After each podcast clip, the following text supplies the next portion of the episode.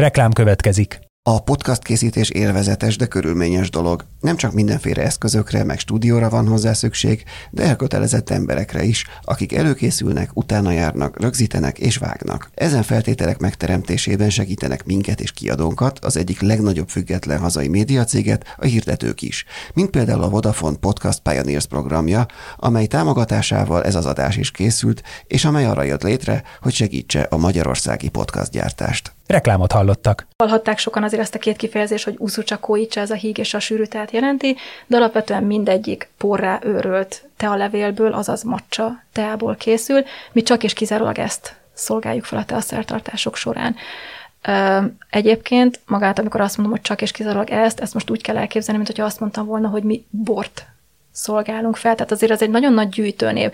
az ország melyik termesztő régiójából, termőterületéről, melyik ültetvényes által előállított, melyik dűlőről, melyik válogatás, tehát hogy, hogy egy nagy kategóriát mondtam ezzel, csak annyit mondtam, hogy valahol Japánban valamelyik termőterületnek az ültetvényéről ezt valamelyik ültetvényes leszüretelte a teacserének a levelét, és a feldolgozási folyamat végén ő ezt porrá őrölte, én ezt a teát használom. Tehát, hogy ez nem egy unalmas dolog, tudok úgy vendégül látni akár egy, egy nagyon lelkes törzs vendéget is, hogy soha nem kap majd kétszer ugyanolyan teát, mert hogy én csak azt mondtam, hogy porrá őrölt teát.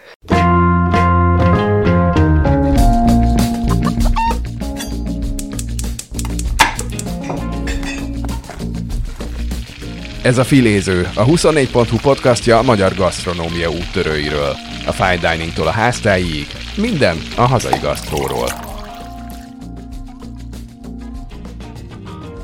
Üdvözlöm a hallgatókat, ez itt a 24.hu filéző podcastja. Én Inkei Bence vagyok, és Jankovics Márton a műsorvezető társam. Sziasztok! Ma pedig a vendégünk Rajzó Kontor Kornélia, te a mester. Szervusztok! Akit arról fogunk elsőként kérdezni, hogy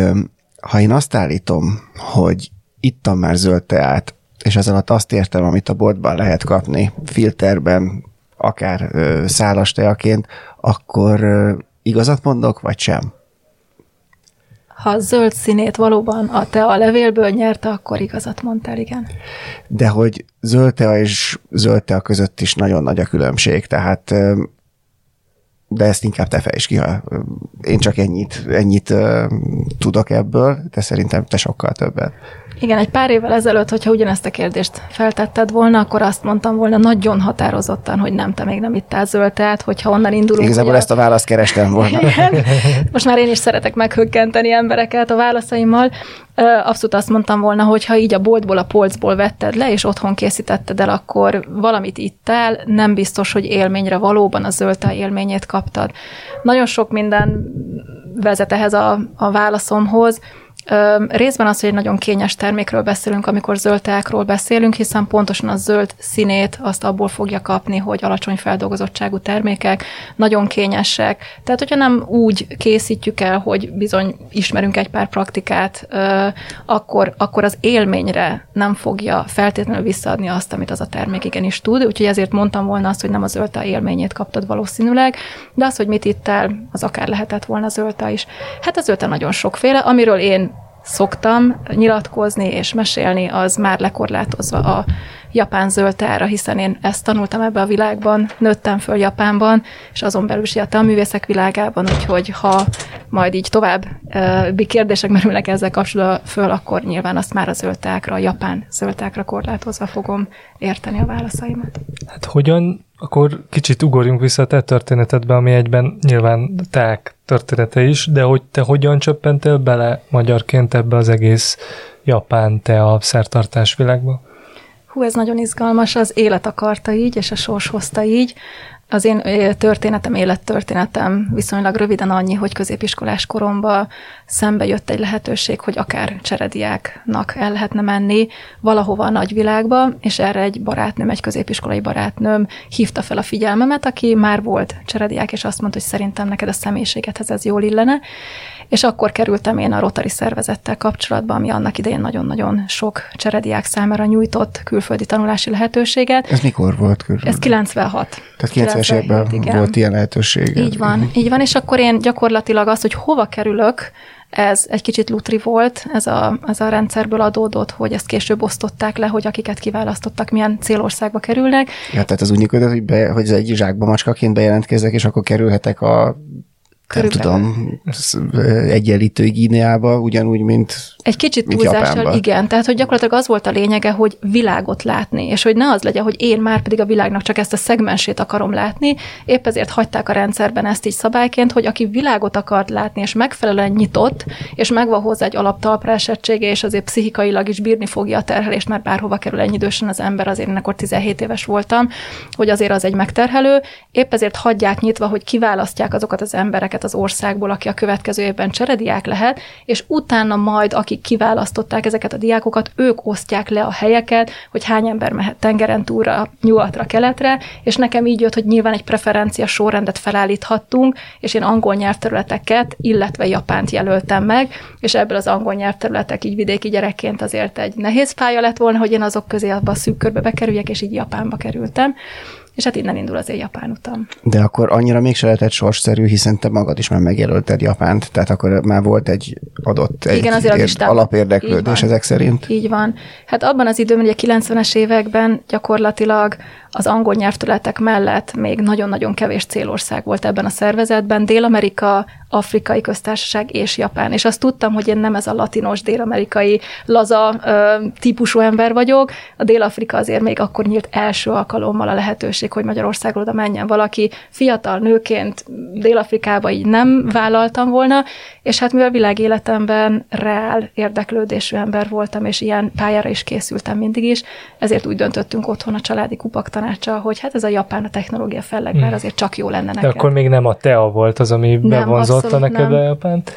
És akkor én Japánba kerültem 17 évesen, nyelvet még akkor nem ismertem kultúráról, nem tudtam túl sokat, bekerültem egy vidéki kisvárosnak a középiskolájába, ahol külföldiként a városban kb. öten lehettünk, tehát hogy egy nagyon kuriózumnak számított, az emberek angolul nem beszéltek a környezetembe, és akkor így kerültem be egy középiskolába, ahol próbáltam túlélni, és egyszer csak jött velem szembe egy olyan lehetőség, hogy karácsonyi koncertre készülvén kis városházán, kis általános iskolás gyerekekkel elküldött a fogadóapukám, hogy annyira depressziós vagy négy négy hónap itt lét után, mi lenne, hogyha karácsonykor azért azt a Rudolf the Red-Nosed Reindeer te is elénekelnéd a városházan a kisgyerekekkel, kezdj a próbákra járni hétvégenként, és akkor talán kikeveredsz ebből a kulturális sokból, amibe kerültél, és ott egyszer csak miközben magányosan ültem a próba szünetében, a kis pokrocomon, és ettem a dobozos ebédemet, egyszer csak oda jött egy anyuka, aki angol tanár volt, megmert szólítani, és azt mondta, hogy ha már tízezer kilométerre eljöttél a hazától,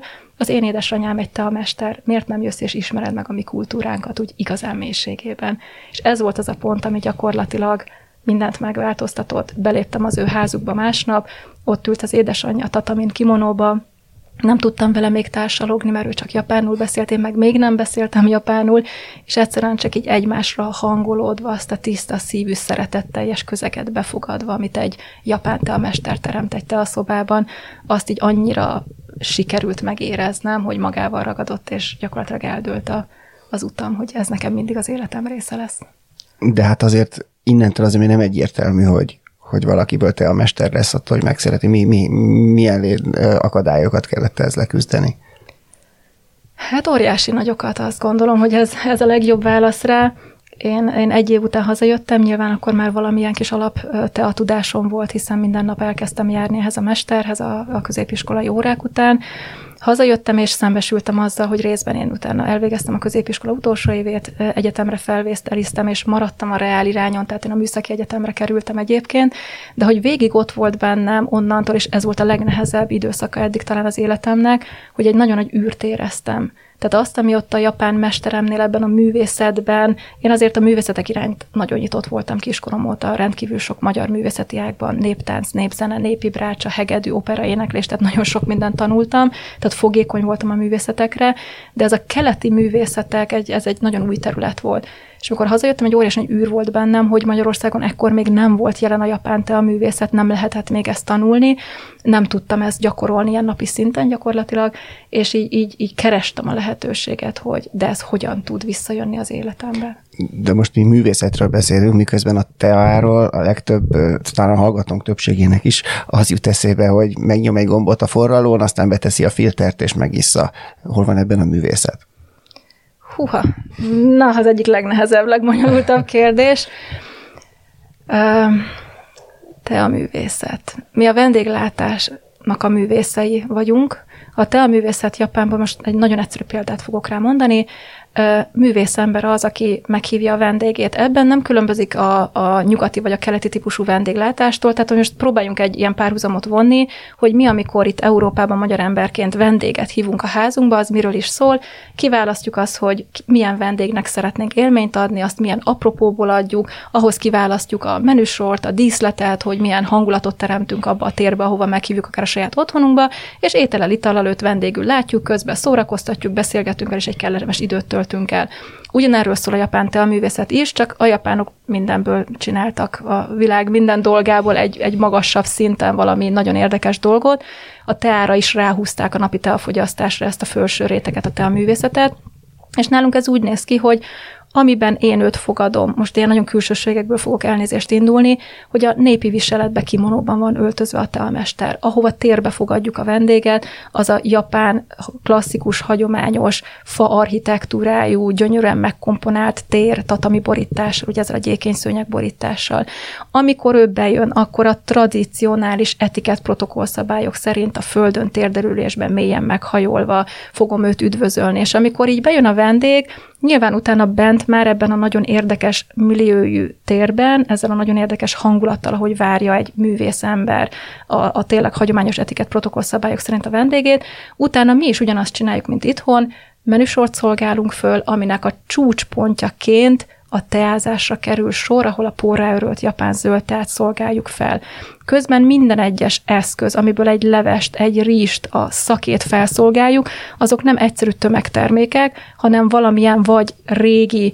nagymúltú, kézműves családnak, egy iparművésznek, egy képzőművész családnak valamilyen alkotása,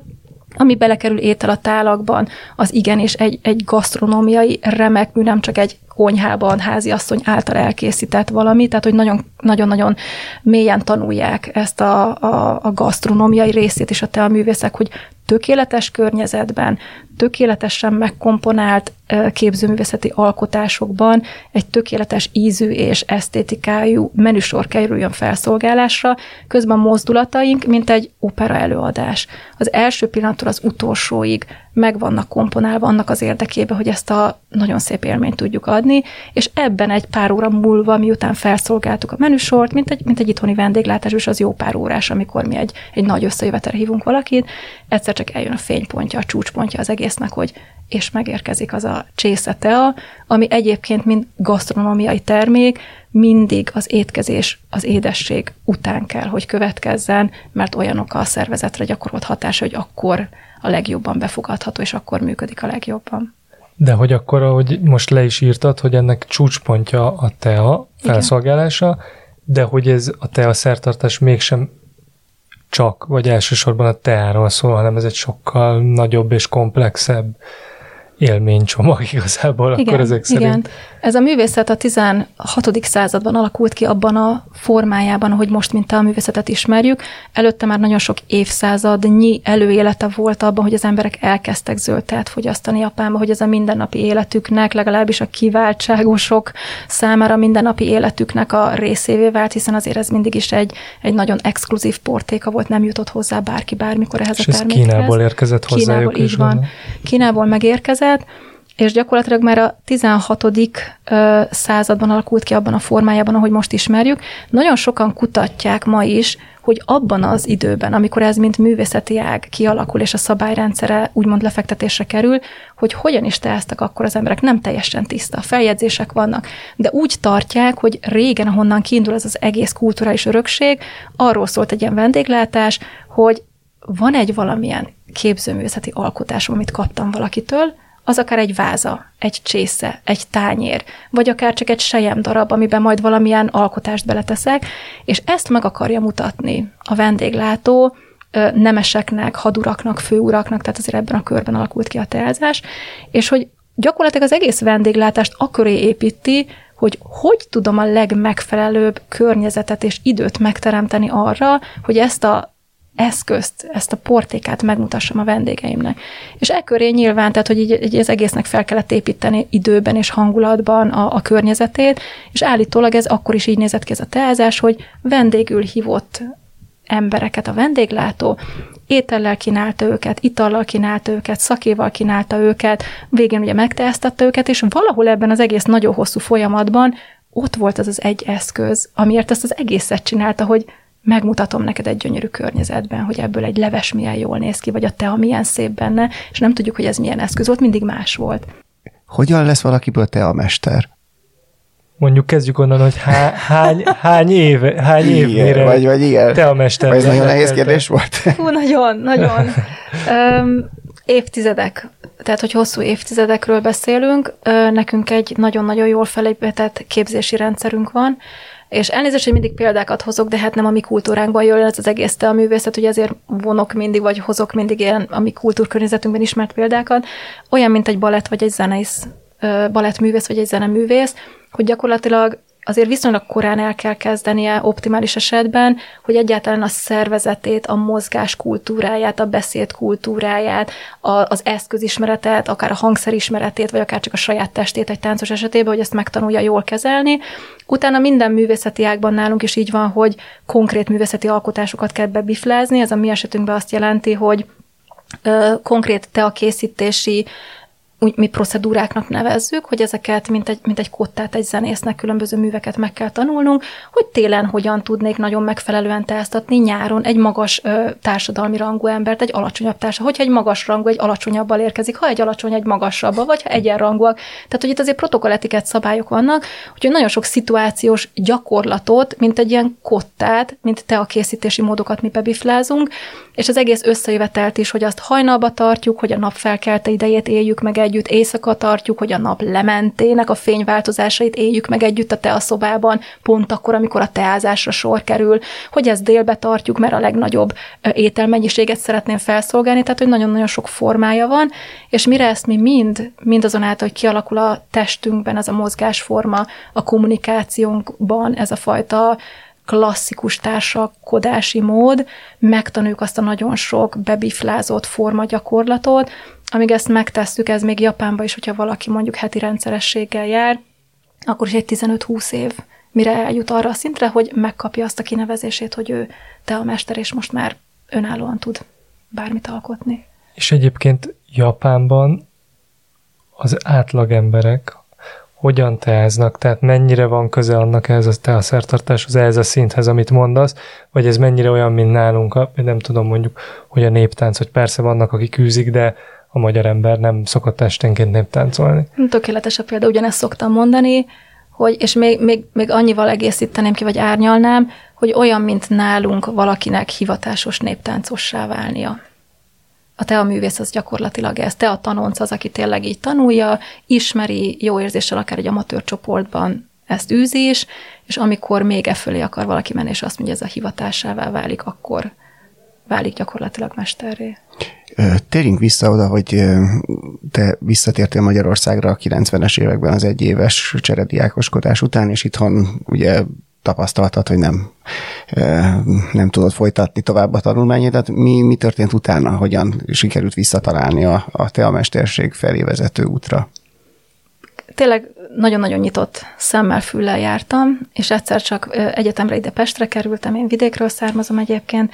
és Pestre kerültem, és így egyik reggelen a metró újság a kezembe került, és láttam benne egy nagyon pici kis cikket, hogy egy japán étterem nyílik, és te a szertartás bemutatóval fog megnyílni ez az étterem. Hát kikerekedett a szemem, hogy hát ezt kerestem, hogy egyáltalán itthon bármilyen lehetőség lenne rá. Nyilván ott voltam az étteremnek a megnyitóján, és persze oda mentem a te a szertartást vezető emberhez a végé, hogy hát ez hogy lehet, és te ki vagy egyébként. És akkor derült ki számomra, Ő magyar volt? Magyar, igen, magyar volt, és akkor derült ki számomra, hiszen én ugye középiskolásként kerültem Japánba, és akkor én még azért ott kint nem azt kerestem, hogy egyébként profi szinten hogyan lehet ezzel foglalkozni. Még elég volt nekem az a hatalmas nagy új világ, amiben belecsöppentem, és akkor derült ki, amikor megismerkedtem ezzel az emberrel, hogy Japánban egyetlen egy intézmény létezik, ahol ezt a művészeti ágat intézményesített keretek között lehet tanulni, és nyilván nagyon sok olyan teamester van, mint akitől én is tanultam ott középiskolás koromban a magánházában, de ezen kívül van még egy dolog, amiről nem tudok, hogy van egy intézménye is ennek, ahol évente ugyan nagyon kevés, nagyjából 30 japán embert képeznek teamesterré, de hogy ennek van egy külföldi tagozata. És ebbe a külföldi tagozatba a világból évente egy 5-8 embert meghívásos alapon meghívnak és bekerülhet ebbe a képzésbe, akik azt a küldetést kapják, hogy gyere ide, tanulj itt te a művésznek, és utána menj haza a hazádba, és foglalkozz ennek a hirdetésével, és ez, a, ez az ember, az én szempályom, az, az aki ugye szenyorként ugye fölöttem ö, volt akkor, és van ugye most is, hogy ő már éppen elvégezte ezt a képzést Japánba, és hazaköltözött, pont akkor költözött haza Japánból, és pont elkezdett azon dolgozni, hogy egy ilyen országban, ahol még semmi nincsen, ő mit tudna kezdeni vele, és így járta gyakorlatilag így az éttermeket és minden olyan rendezvényt, ahol ezt be lehetett mutatni. És innen indult, hogy rátaláltam valakire, aki ismert egy nagyobb rendszert, mint amit én ismerek, és ismert egy olyan lehetőséget, ami gyakorlatilag biztosítja néha-néha egy-egy ember számára, hogy ezt tanulhassa. Innen indult, aztán persze van folytatása hosszú a történetnek. És akkor mondjuk, hogyha ugrunk a mára, most hogy látod ezt a Magyarországon, Japán te a kultúra egyáltalán mennyire van benne a köztudatban, mennyire közkedvelt, szóval ez a küldetés, hogy hogy áll most? Én azt mondom, hogy nagyon jól, legalábbis én nagyon boldog vagyok látva azt, a, azt az ívet, ami, ami az elmúlt húsz évben kirajzolódott. 2001-et írunk, amikor én ezzel a, a szempályommal, Palotás Gáborral találkoztam. Én ővele kezdtem el, utána kilenc éven keresztül jártuk az országot, és különböző rendezvényeken bemutatót tartottunk. De te is ö, kikerültél ebbe az intézménybe. Ja igen, és azután a pár évvel következett, én egyszerűen csak vele elkezdtem gyakorolni, és akkor jöttem rá, így, így jöttek a kis informá- információ morzsák, hogy a rendszer egyébként úgy működik, ha egyszer valaki már oda kikerült, akkor ha visszamegy az országában, nem hagyja magát, nem hagyják magára az embert, és hogy hozzá néha küldtek japán mestert, hogy segítse őt tovább tanulni, segítse őt eligazodni, hogy mit tud itt ebben a környezetben csinálni, és amikor én egyszerűen csak így alázatosan, és tényleg türelemmel minden úgymond cél nélkül csak élveztem az útonlevést, gyakoroltam vele éveken keresztül, akkor jött szembe, hogy hát az a mester az, aki engem, egyébként engem is kiajánlana most már erre az ösztöndíjra. Tehát ez volt 2006-ban, hogy én kikerültem erre az egyéves képzésre Kiotóba, a, a teaművészet fellegvárába, és utána, amikor már én is hazajöttem azzal a küldetéssel, hogy most akkor itt már valamit kezdeni kéne, akkor kezdett erősödni Magyarországon ez a vonal, hogy már voltunk azért többen, akik ebben össze tudunk fogni, és egy rendszerben élünk, és akkor még nagyon nehezített volt, mert, mert az országot jártuk. És akkor volt egy nagyon nagy fordulópont 2009-ben, amikor majd, majd azt is talán mindjárt el tudom mondani, hogy, hogy ki az, hogy nagymester, de a, a teaművészet nagymestere Magyarországra érkezett egy diplomáciai kapcsolaton keresztül, és az eltén tartott egy óriási nagy előadást, meg egyébként a Sándor palotába, a parlamentben, tehát hogy különböző rétegekben, különböző szinteken tartott bemutatókat, előadásokat, és ott egyszerűen egy elhangzott ez a mondat, hogy egyébként gyertek és csatlakozzatok ehhez a művészethez, és tanuljátok, és elindított egy lavinát, hogy oda jöttek az érdeklődők, hiszen Magyarországon azért már volt egy-két teázó, már azért lehetett akár japán teákat is kóstolni, tehát egy ilyen érdeklődés már akkor elindult így a 2000-es évek elején, és amikor ezt meghallották a tea iránt érdeklődők, hogy gyertek és tanuljátok, oda jöttek hozzánk a bemutató, tehát hogy itt vagyunk, hol tanuljuk. És akkor így néztünk kerek szemekkel Gáborral egymásra, hogy hát mi azt nem tudjuk, és akkor jött a magas labda, hogy hát akkor most jött el az az idő, amikor egy helyet létre kell hozni, amikor el kell kezdeni ezt szisztematikusan tanulni, tanítani, bocsánat, tanítani, és onnantól jött létre gyakorlatilag az a közösség, ami a mai napon most már egy aktív létszámba egy 20 főt számlál, de ők már akár 8-10 éve velem tartanak és tanulják ezt a művészetet, és most már ez a kis parányi közösség, hogyha elmegyünk bármilyen japán napra, bemutatóra, nagyon sok japános szervezettel dolgozunk együtt, akkor azért olyan minőségében tudjuk a nagy közönségnek megmutatni a te a művészetet, ami most már azért nagyon sokakat megérint, és arra bíztat, hogy gyertek és lépjetek erre az útra tanulni. Úgyhogy szerintem maga az, hogy idáig eljutottunk, hogy egy ilyen nagyon kis periférikus művészetből, ha ezt lehet így mondani, kialakul egy közösség, aki nagyon stabil, és hogy, hogy szinte minden nagy szervezet együttműködő partnerként tekint minket, hogy mi igenis ezt méltóképpen és autentikusan be tudjuk mutatni Magyarországon ezt a művészeti ágat. Én azt gondolom, hogy ennél nagyobb elismerés nincsen, és az erőt ad ahhoz, hogy, hogy a következő évtizedekben a közösségünk létszámának a bővítésén dolgozzunk. Igen, mert amennyire tudom, bár erről nagyon keveset tudok, de amennyire hallottam, hogy hogy ez a szertartásos jellege, meg művészeti alakítás jellege mondjuk így a japán üzleti kultúrának is, szóval hogy ennek gondolom vannak átfedései egymással, hogy ott, ott is nagyon komolyan megvannak ezek a szabályai az ajándékozásnak, mm. meg a viselkedésmódnak, meg minden egyébnek. Tehát ez nem egy ilyen kis, teljesen különálló sziget a te a szertartás, gondolom. Igen, egy érdekes példa lehet rá, hogy úgy szoktam mondani, hogy mi te a művészek vagyunk a kis túlzással, hangozhat úgy, mintha túlzás lenne, de nem az. Tehát én, aki kint éltem ebben a rendszerben, nagyon magabiztosan tudom azt mondani, hogy a te a művészek Japánban és a kultúrának a továbbvivői. Ha a te a művészet meggyengül Japánba, és a mai nap, mai világban egyébként nagyon nehéz helyzetben van a, a te a művész világ is, hiszen nagyon sok más tevékenység irányába fordulnak az emberek, mint sem, hogy az autentikus, hagyományos művészetek irányába, de ha ez meggyengül, és nem tudják a figyelmet, fókuszt itt tartani, akkor már nem lesznek kimonó készítők, akik kimonót készítsenek, mert a mai fiatalok már nem azt hordják. Nem lesznek anyag megmunkáló mesterek, mert amikor bejöttek a tömegtermékek, akkor igazából már az emberek anyagi és egyéb megfontolásból inkább az olcsóbb terméket veszik, mint sem, hogy a kézműves termékeket, iparművész termékeket vegyék meg, tehát, hogyha a mi világunk meggyengül, és ezen dolgozik a nagymester és az egész rendszer,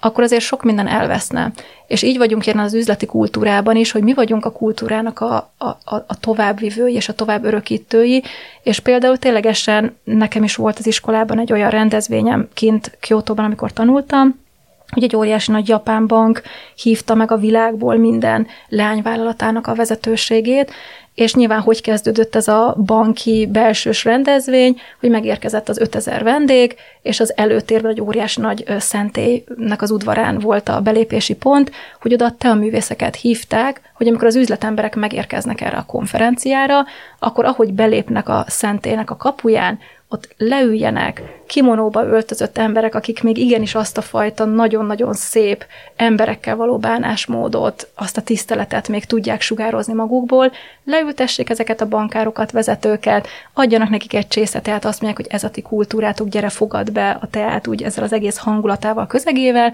álljál föl, és utána menjél a konferenciára. Tehát, hogy, hogy a, a nagy cégeknél ez a mai napig sokszor így működik, hogyha van valami nagy rendezvényük, akkor tudják, hogy a kultúrájuknak ez egy szerves része, hogy az emberek felé ez a fajta nagyon szép és őszinte tiszta gesztus, és ezt igazából már csak azok tudják adni, akik tanulják a te a művészek.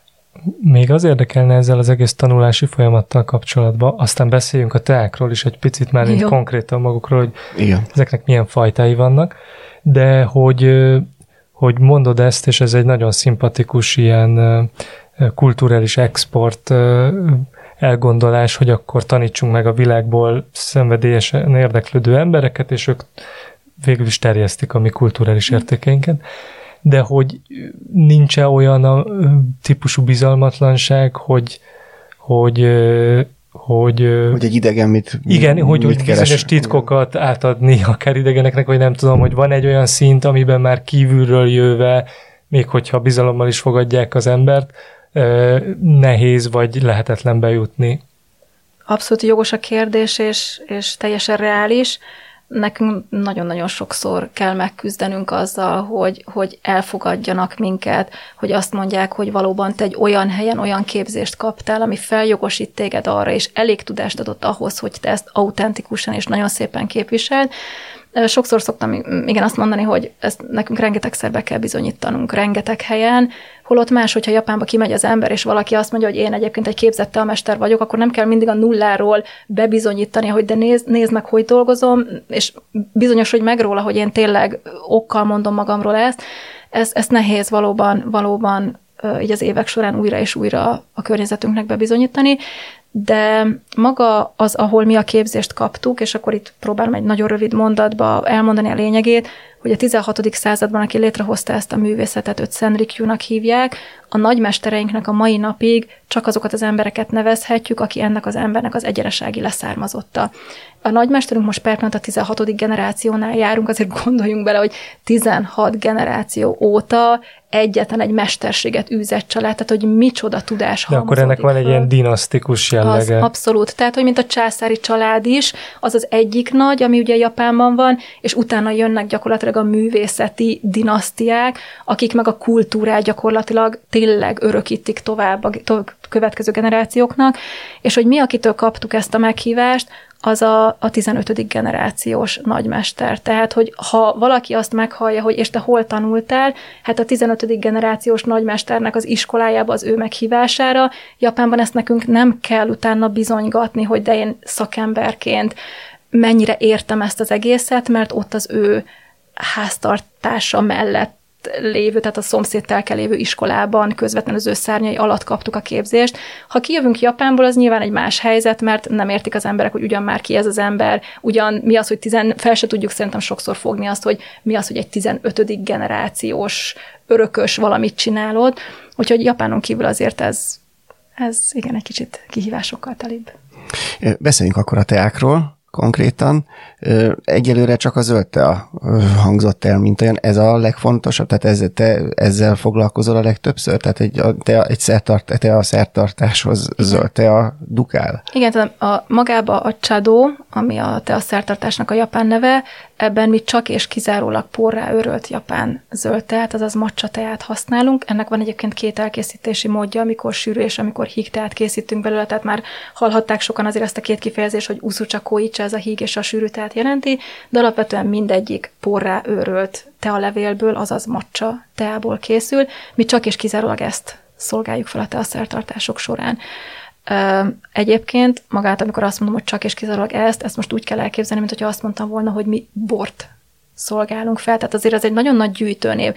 az ország melyik termesztő régiójából, termőterületéről, melyik ültetvényes által előállított, melyik dűlőről, melyik válogatás, tehát hogy, hogy egy nagy kategóriát mondtam ezzel, csak annyit mondtam, hogy valahol Japánban valamelyik termőterületnek az ültetvényéről ezt valamelyik ültetvényes leszüretelte a teacserének a levelét, és a feldolgozási folyamat végén ő ezt porrá őrölte, én ezt a teát használom. Tehát, hogy ez nem egy unalmas dolog, tudok úgy vendégül látni akár egy, egy nagyon lelkes törzs vendéget is, hogy soha nem kap majd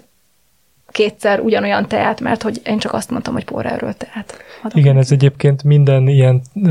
sok vendégünknél volt már ez a tanulság, hogy vannak ezek a nagy blokkok a fejünkbe, főleg nyilván olyan kultúrákkal, gasztrokultúrákkal kapcsolatban, amiket kevésbé ismerünk, vagy csak egy ilyen felszínes ismerettségünk van, mondjuk az olajbogyó, és akkor azt mondjuk, hogy vagy az olívaolaj, és akkor azt mondjuk, hogy van az olívaolaj, de hogy ugyanezt elmondta nekünk a Tóth Gusztáv nagy olívaolaj tudor vendégünk, hogy nincs ilyen, hogy az olívaolaj. Tehát, hogy ez, ez, de akkor nincs ilyen, hogy almacsa tea, hanem az nyilván egy, az csak egy végtelen egy pori, változatosság. Örült, igen, levelet jelent, igen. És te honnan, hogyan szerzed be akkor ezt a széles választékot a macsatákból, vagy zöldtákból? Hát most már nagyon-nagyon jó helyzetben vagyunk itt Magyarországon is, ugyanis nagyon sok te a ház foglalkozik te a kereskedelemmel,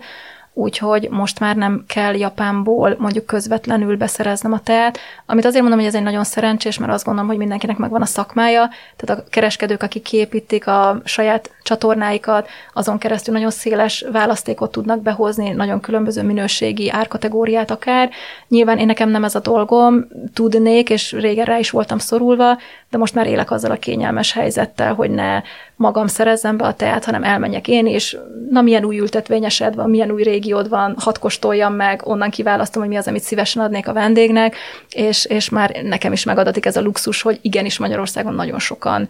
forgalmaznak teát, úgyhogy be tudom szerezni itthonról különösebb erőfeszítés nélkül. Ez azt jelenti, hogy akkor te kizárólag ezzel a porrá őrölt formában találkozol a teával, vagy azért a, a száraz tea is, az, azzal is mint magánember, nyilván egész nap teázok én is, de nem csak japán teákat, de mindenfélét, úgyhogy ö,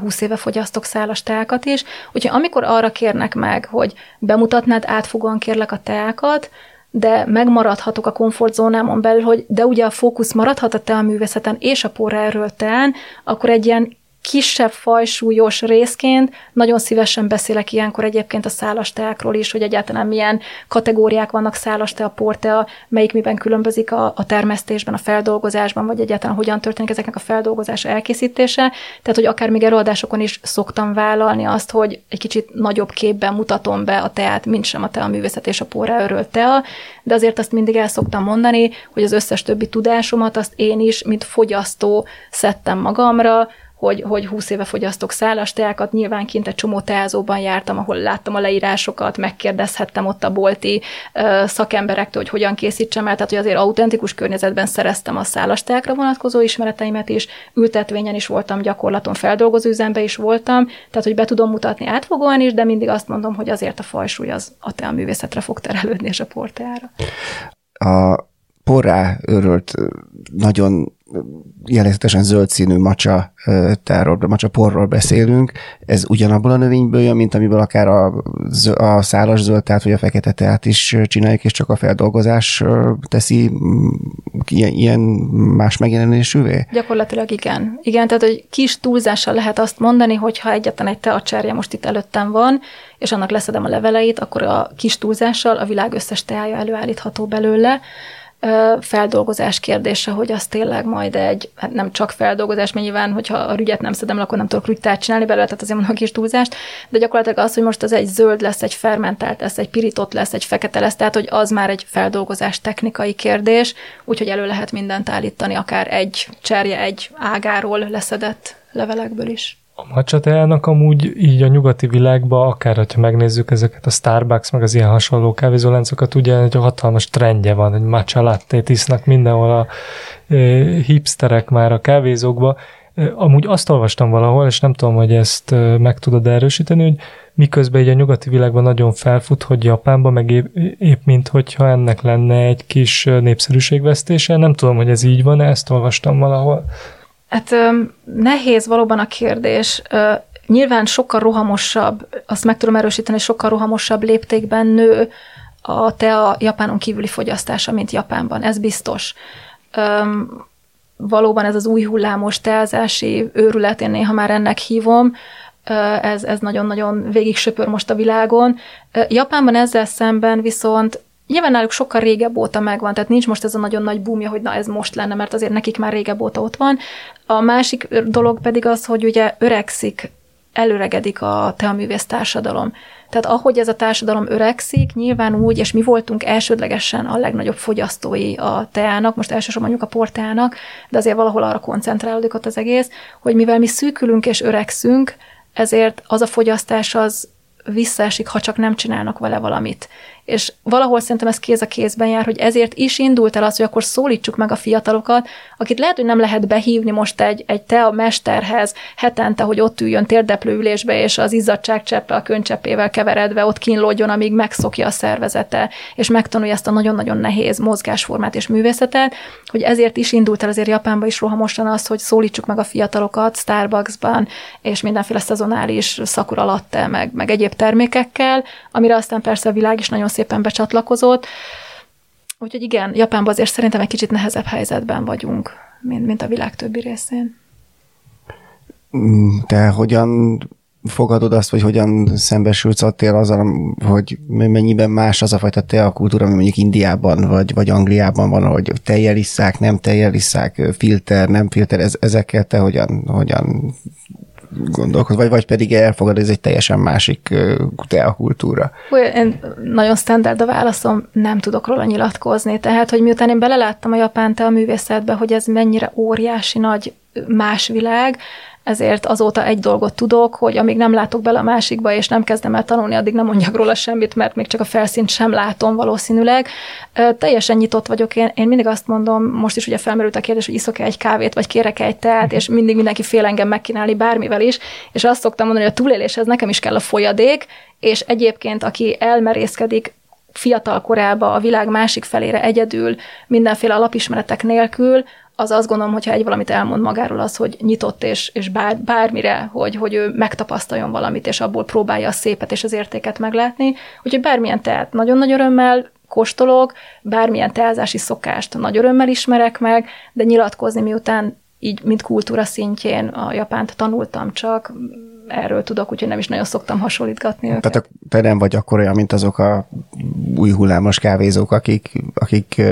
megszégyenítik a vendéget, ha mondjuk tejjel vagy cukorral kérik a kávét, vagy ilyenek, tehát nem, tehát nem, nem az van, hogy csak egyféleképpen lehet, hanem... Én nagyon könnyű helyzetben vagyok, mert ha tőlem valaki kér teát, akkor tőlem, mint te a művészként kéri, tehát én abban nagyon könnyű helyzetben vagyok, hogy fölöslegesen kéred, mert nincs tejem, nincs cukrom, és nincs semmi, mert itt, mint művész vagyok itt, nekem a póráról tel van, hozzá nagyon finom japán tea édesség, ami ebbe a művészetbe párba jár a teával, tőlem ezt tudod kérni, ezt tudod kapni, máson ne is számíts, mert az én világom itt be is zárult, és tényleg nincs is a, a, a gyakorló helyünkön sem, még csak tej se cukor sem, mert hogy mi azt nem adunk mellé, úgyhogy én vagyok a legkönnyebb helyzetben, hogy nem tudom rossz helyzetbe hozni a vendéget, mert lehetetlent kér. Az édességet már másodszor említed, és beszéljünk picit erről is, hogy egyrészt milyen édességek képezik részét ennek a szertartásnak vagy kultúrának, másrészt, hogy ezeket te magad csinálod-e? Igen, hát nekem az édesség az egy ilyen nagyon nagy szívügyem lett, hogy a teához, mint egy nagyon mm, markáns ízű italhoz mindenféleképpen dukál valami étel, ami gyönyörűen dolgozik ízvilágba a teának az ízével, és az Japánban az évszázadok során úgy alakult ki, hogy az édesség az, ami a teához felszolgálandó. Régen egyébként, tehát hogy már itt a 10-12. században is voltak feljegyzések, hogy akkor még olajos magvakat, vagy mivel ugye Kínából jön ez az egész teázási szokás és ennek a kultúrája alapvetően, ami aztán ugye átalakul a japánok saját művészeti ágává, hogy olajban kisütött, szárított gyümölcsök, tehát hogy mindig is ott volt valami kis, valami kis fogás hozzá, a mai napra ez annyira tisztult le, hogy van egy külön művészeti ág, amit vagasinak nevezünk, a va, az ugye a japán harmóniát is jelenti, de ugye a harmónia országa, tehát a vagasi, japán édességek, ez az, amit ezen belül is van egy kategória, amit csagasinak nevezünk, mint hogy te a édességek. Mi ezt a csagasit szolgáljuk föl a porraörölt zöldtához. A csagasinak a lényege gyakorlatilag, hogy a fogyasztójának egy édes alapízt adjon a tea elfogyasztása előtt. És ez azért nagyon fontos, mert a tea, hát ezt szerintem már nagyon sokan megtapasztalták, hogy ha hűl, akkor azért a fanyar komponens erősödik benne, vagy anélkül is, hogy mondjuk a fanyar komponens lenne erős annak a teának, mert lehet, hogy az ültetvényes egy tipikusan nagyon édes komponensű teát készített el, de ettől függetlenül is az édes íz az biztos, hogy nagyon jól fog együtt dolgozni a macsa teával, és az édes íz az felerősít, felerősíti a japán zöld teákban alapjában véve benne lévő édes ízkomponest, ami néha nem dominál, de benne van. És nekünk az a lényegünk, hogy magyarul cukorízt adjunk, egy nagyon semleges ízt, ami semmilyen módon nem befolyásolja a teának az ízét, csak és kizárólag úgy, hogy felerősíti az édes komponást, úgyhogy mi rizsliszttel dolgozunk, vörös babpasztával, babmasszával, ami gyakorlatilag mindegyik nagyon nagy cukortartalmú, tehát összességében a, a fogyasztójában egy pár perc elteltével az édesség semmilyen más ízkomponást nem hagyott, csak az édest, és utána szolgáljuk föl. Tehát, Tehát akkor itt nem valami komplex, ilyen sütemény-költeményre kell gondolni, mert az nem illene ebbe a letisztult koncepcióba. Igen, anyag felhasználásában nem, magában, komplexitásában rendkívül komplexnek mondanám. Egy falat, egy ilyen minion méretű édességre kell gondolni, egy ilyen 50 g körüli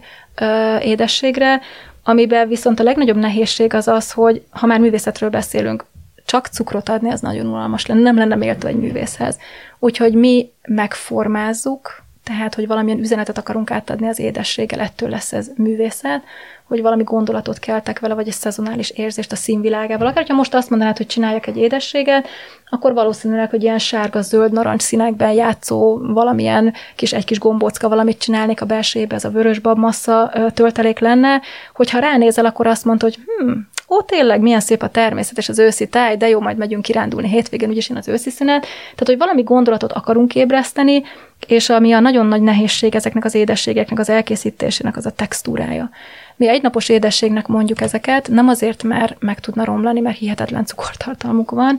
de azért, mert mondjuk egy mocsinál is, amit most már azért egyre többen ismernek, ha kint hagyjuk órákig, a szabad levegőn azonnal megváltozik az állaga, elkezd száradni, elveszti a ruganyosságát, és most nem csak a rugalmas állagra kell gondolni, hanem minden, tehát nagyon-nagyon sok édesség típus létezik itt a csagasin belül, de mindegyik nagyon gyorsan változtatja az állagát. És gyakorlatilag pont ezzel fejezi ki a vendéglátó, hogy nézd, nézzél rá, legyen esztétikus, legyen gyönyörű szép, ébreszem valami gondolatot, utána, amikor megeszed, meghökkentő legyen az állag a számodra, hogy azt olyan könnyednek gondoltam, és nehezebb, keménynek gondoltam, és puha, tehát, hogy valamivel meghökkentjük, és egyébként pedig a funkciója, hogy egy édes környezetet teremtsen a vendégnek a szájában. Úgyhogy ezt megteremteni, hogy friss legyen, meghökkentő legyen az állaga, a szín és forma világa igenis megérintse az embernek a szívét és a lelkét, és gondolkodni kezdjen, és gondolkodásra bírja, na ez nagyon-nagyon nehéz a vagasiban egy, egyszerre kettő kérdést is fel fogok most tenni, de az egyik következik a másikból. Az egyik az, hogy ha az édességem meg a vezetően kívül mennyire ragadott meg téged a japán gasztronómia és az egyéb, tehát hogy mennyire van benne a mindennapi étkezésedben ez. A másik meg, ami különösen érdekel, hogy amikor te a harmadikos gimnazistaként kikerültél Magyarországról hírtel Japánban, ahol amikor a 90-es években még jóval kevésbé lehetett itthon akár sushit vagy bármilyen japán ételt kapni éttermekben, akkor neked milyen volt az a találkozás a japán gasztronómiával? Emlékszel még? Igen, hát hátulról a második kérdéssel kezdeném. Amikor én kikerültem, azt tudom, bocsánat, hogy ennyire ilyen szókimondó leszek, tehát, hogy én nekem az első három hétben gyakorlatilag akár a halálomon is lehettem volna, olyan, olyan hasmenésem lett. Tehát, hogy azért ezek az alga alapú ételek, aki nem szokott hozzá, hogy ahogy mondod, hogy akkor itt nekem előtte esélyem se volt nagyon az, hogy egyáltalán megkóstoljak autentikus japán ételt, hogy azért az, hogy a leves alga, a mindenben ott van az alga, ez azért nagyon megterheli eleinte a szervezetet, még ha azt is mondjuk, hogy ez nagyon jó. Na megfejelve a zöld teákkal, az meg aztán pláne, úgyhogy eleinte én nem tudtam, hogy életben fogok-e ott maradni, mert hogy annyira megterhelte a szervezetemet. Ízvilágban nyilván, mivel fiatal voltam, a fogadó szüleim azok próbált ugye olyan irányba terelni az étkezéseinket, hogy az számomra befogadható legyen. Úgyhogy én nagyon mérges voltam, hogy olasz étterembe vittek, francia étterembe vittek, és, és mindig kedves, most már tudom, hogy ennél kedvesebb gesztus nem is lehetett volna, mint hogy ez a ne hirtelen essek bele ott a nagyon különböző kultúrába. Úgyhogy eleinte én nem nagyon szerettem őket, tehát annyira furcsa volt, és nem tudott a szervezetem mit kezdeni vele. Még a macsatát sem szerettem elsőre, amikor a mesterem házába kerültem először, úgyhogy szoknom kellett. Aztán az, hogy ez mennyire jött most át így a három gyerekes anyaként a háztartásunkba, nagyon-nagyon ritkán főzök japán ételeket,